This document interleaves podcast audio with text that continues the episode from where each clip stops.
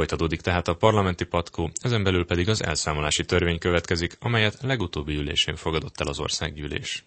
A 167 igen, egy nem és két tartózkodó szavazat mellett elfogadott törvény alapján kell a bankoknak elszámolniuk ügyfeleikkel az árfolyamrés semmisége és az egyoldalú szerződésmódosítások nyomán keletkezett túlfizetéseket.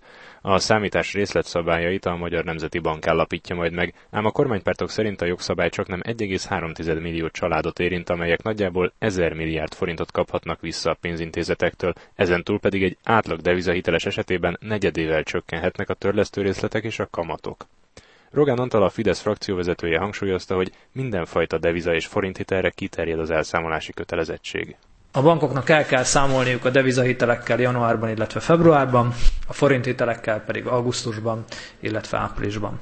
Ennek megfelelően azt kell, hogy mondjam önöknek, hogy ezeket a hónapokat követően fognak majd először csökkenni a törlesztőrészletek.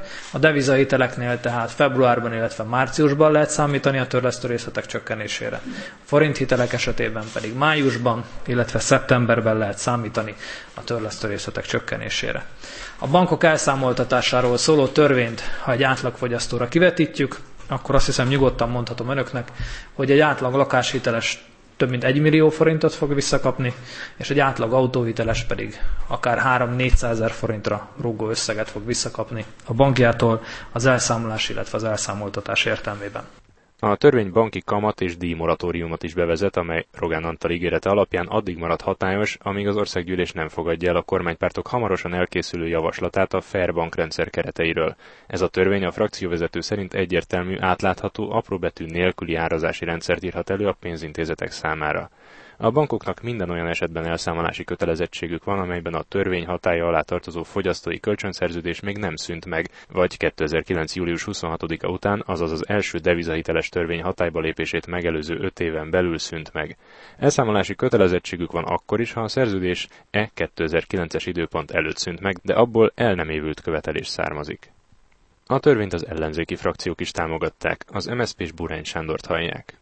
Ez a mondjuk így deviza hiteles mentőcsomag egy súlyos hibában szenved, nevezetesen, hogy a legnagyobb problémát nem kívánja orvosolni, már pedig a legnagyobb probléma a gyenge forint. Hogyha ma Magyarországon a forint olyan erős lenne, mint amilyen erősen átadtuk 2010-ben a kormányzást, akkor a devizahitelesek tudnák fizetni a terheiket, nem lennének ezek a törlesztő részletek ennyire brutálisak.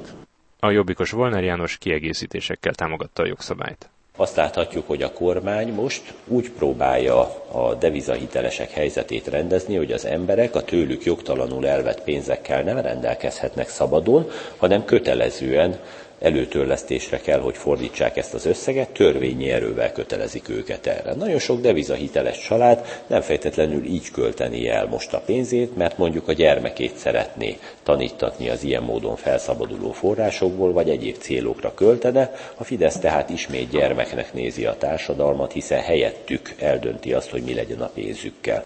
Az lmp Schiffer András szintén megszavazta az elszámolási törvényt. Viszont nincs válasz a négy éves késedelemre, nincs válasz arra, hogy ezt a törvényt például miért nem lehetett legutóbb júliusban elfogadni, az pedig egészen felelőtlen cinizmusra jól láthatóan azért mostanra időzítették, hogy az önkormányzati kampányra is maradjon valami muníció, amiről például a készülő megszorítási csomagról tudják elterelni a figyelmet a fideszesek. Az elszámolási törvény túlnyomó része november 1-én lép hatályba. A bankszövetség elnöke szerint az 5-10 évre kötött szerződések nem tudnak megfelelni az új törvény feltételeinek, de amikor megkötötték őket, akkor jogszerűek voltak. Becsei András attól tart, hogy az elszámolás után befagy a hitelezés Magyarországon. Herceg Zsolt összefoglalója.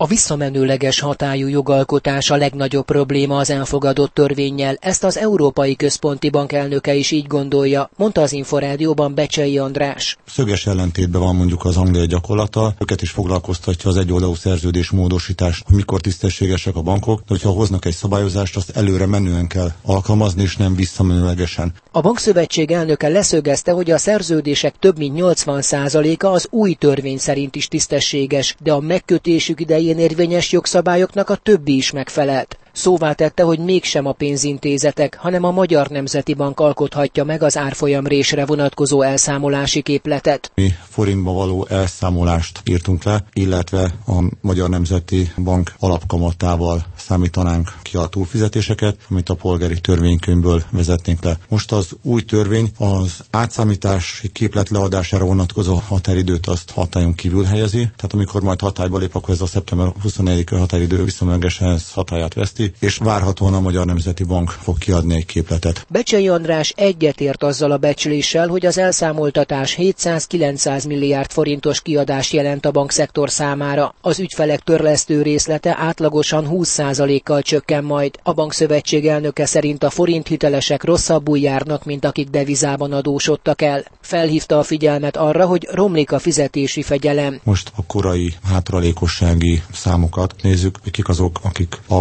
augusztusban, szeptemberben a törlesztő részleteket nem fizették meg, és azokat is külön elemezzük, akik korábban fizették a törlesztő részletüket, még most már nem fizetik, és ebben láttunk sajnos egy növekedést. Félő, hogy ha nem megfelelő a bankok tőkehelyzete, akkor visszafogják a hitelezést, fogalmazott Becsei András. Herceg Zsolt, Inforádió 88,1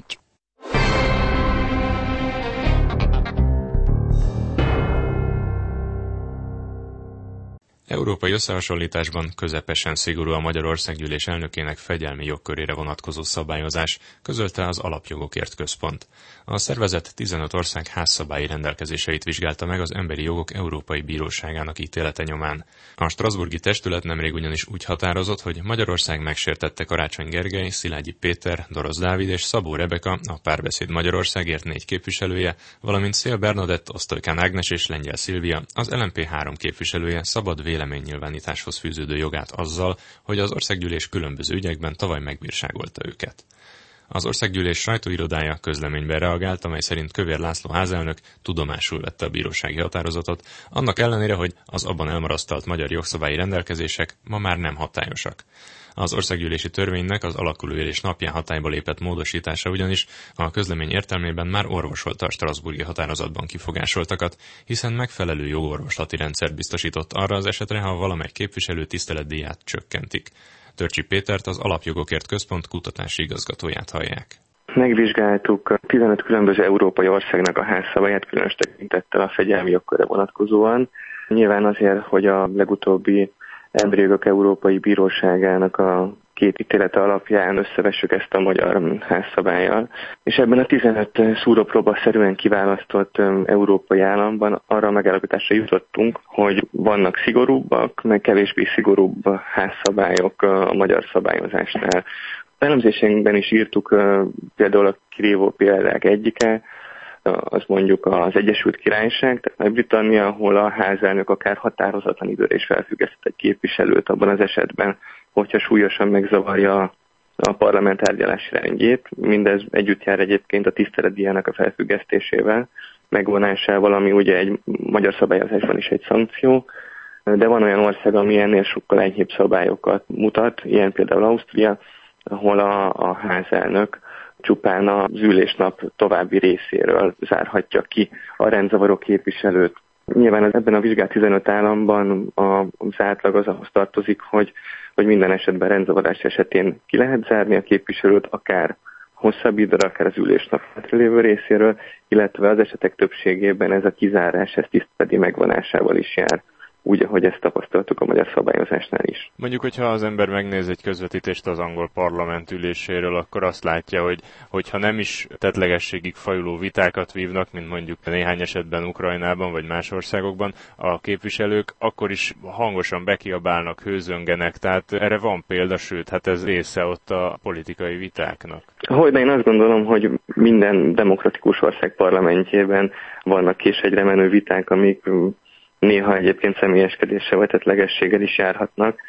És ahogy az elemzésünkben is írtuk, a vizsgált államokban majdnem minden esetben a házelnöknek a mérlegelési jogköre az, hogy mikor avatkozik be, mikor értékeli úgy egyébként, hogy a tárgyalási rendet annyira megzavarták bizonyos képviselők, akár a, a verbális véleménynyilvánításokkal, akár nonverbális módon gondolok itt arra, hogy különböző transzparensekkel, molinókkal, vagy akár Volt erre példa a Magyar Országgyűlés tárgyalásán is, hogy, hogy a pulpitusra felmenve próbálták akadályozni a tárgyalási rendet. Hát ez esetben a, a levezető elnöknek legyen ez a házelnök, vagy bármelyik alelnök, aki éppen az ülést vezeti, a mérlegelési jogkörébe tartozik a házszabály szerint Magyarországon is, illetve a vizsgált európai országok házszabályában is, hogy ő egyébként megszakítja az ülést, felelősségre vonja a rendzavaró képviselő képviselőket, és az, hogy milyen, milyen szankciót alkalmaz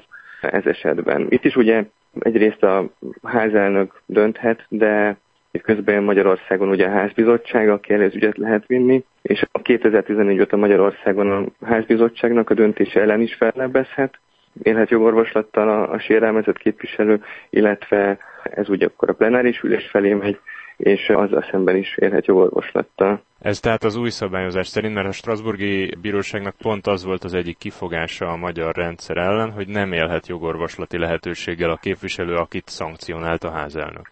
Igen, ez valóban így volt abban az időben, amikor ők ezt a büntetést, illetve szankciót kapták a rendzavarassokkal kapcsolatban. Viszont 2017 tavaszán ezt orvosolta a jogalkotó, amit egyébként a, a bíróság az ítéletében meg is jegyzett, mind a kettőben, amikor meghozta, hogy azóta egyébként a jogalkotó orvosolta ezt a kérdést, tehát most, hogyha bárkit rendzavarás miatt szankcionál a házelnök, abban az esetben ez a képviselő érhet jogorvoslattal. Törcsi Pétert, az Alapjogokért Központ kutatási igazgatóját hallották. Legközelebb holnap tart ülést az országgyűlés. A napirenden egyedül a Mitől fosztja meg Magyarországot a Paksi megállapodás című, az LMP által kezdeményezett négy órás vita szerepel, amelynek részleteit következő műsorunkban hallgathatják meg. Az elmúlt fél órában a megújult parlamenti patkót, az Inforádió országgyűlési magazinját és benne Sigmond Árpádot hallották. Tartsanak velem jövő héten is.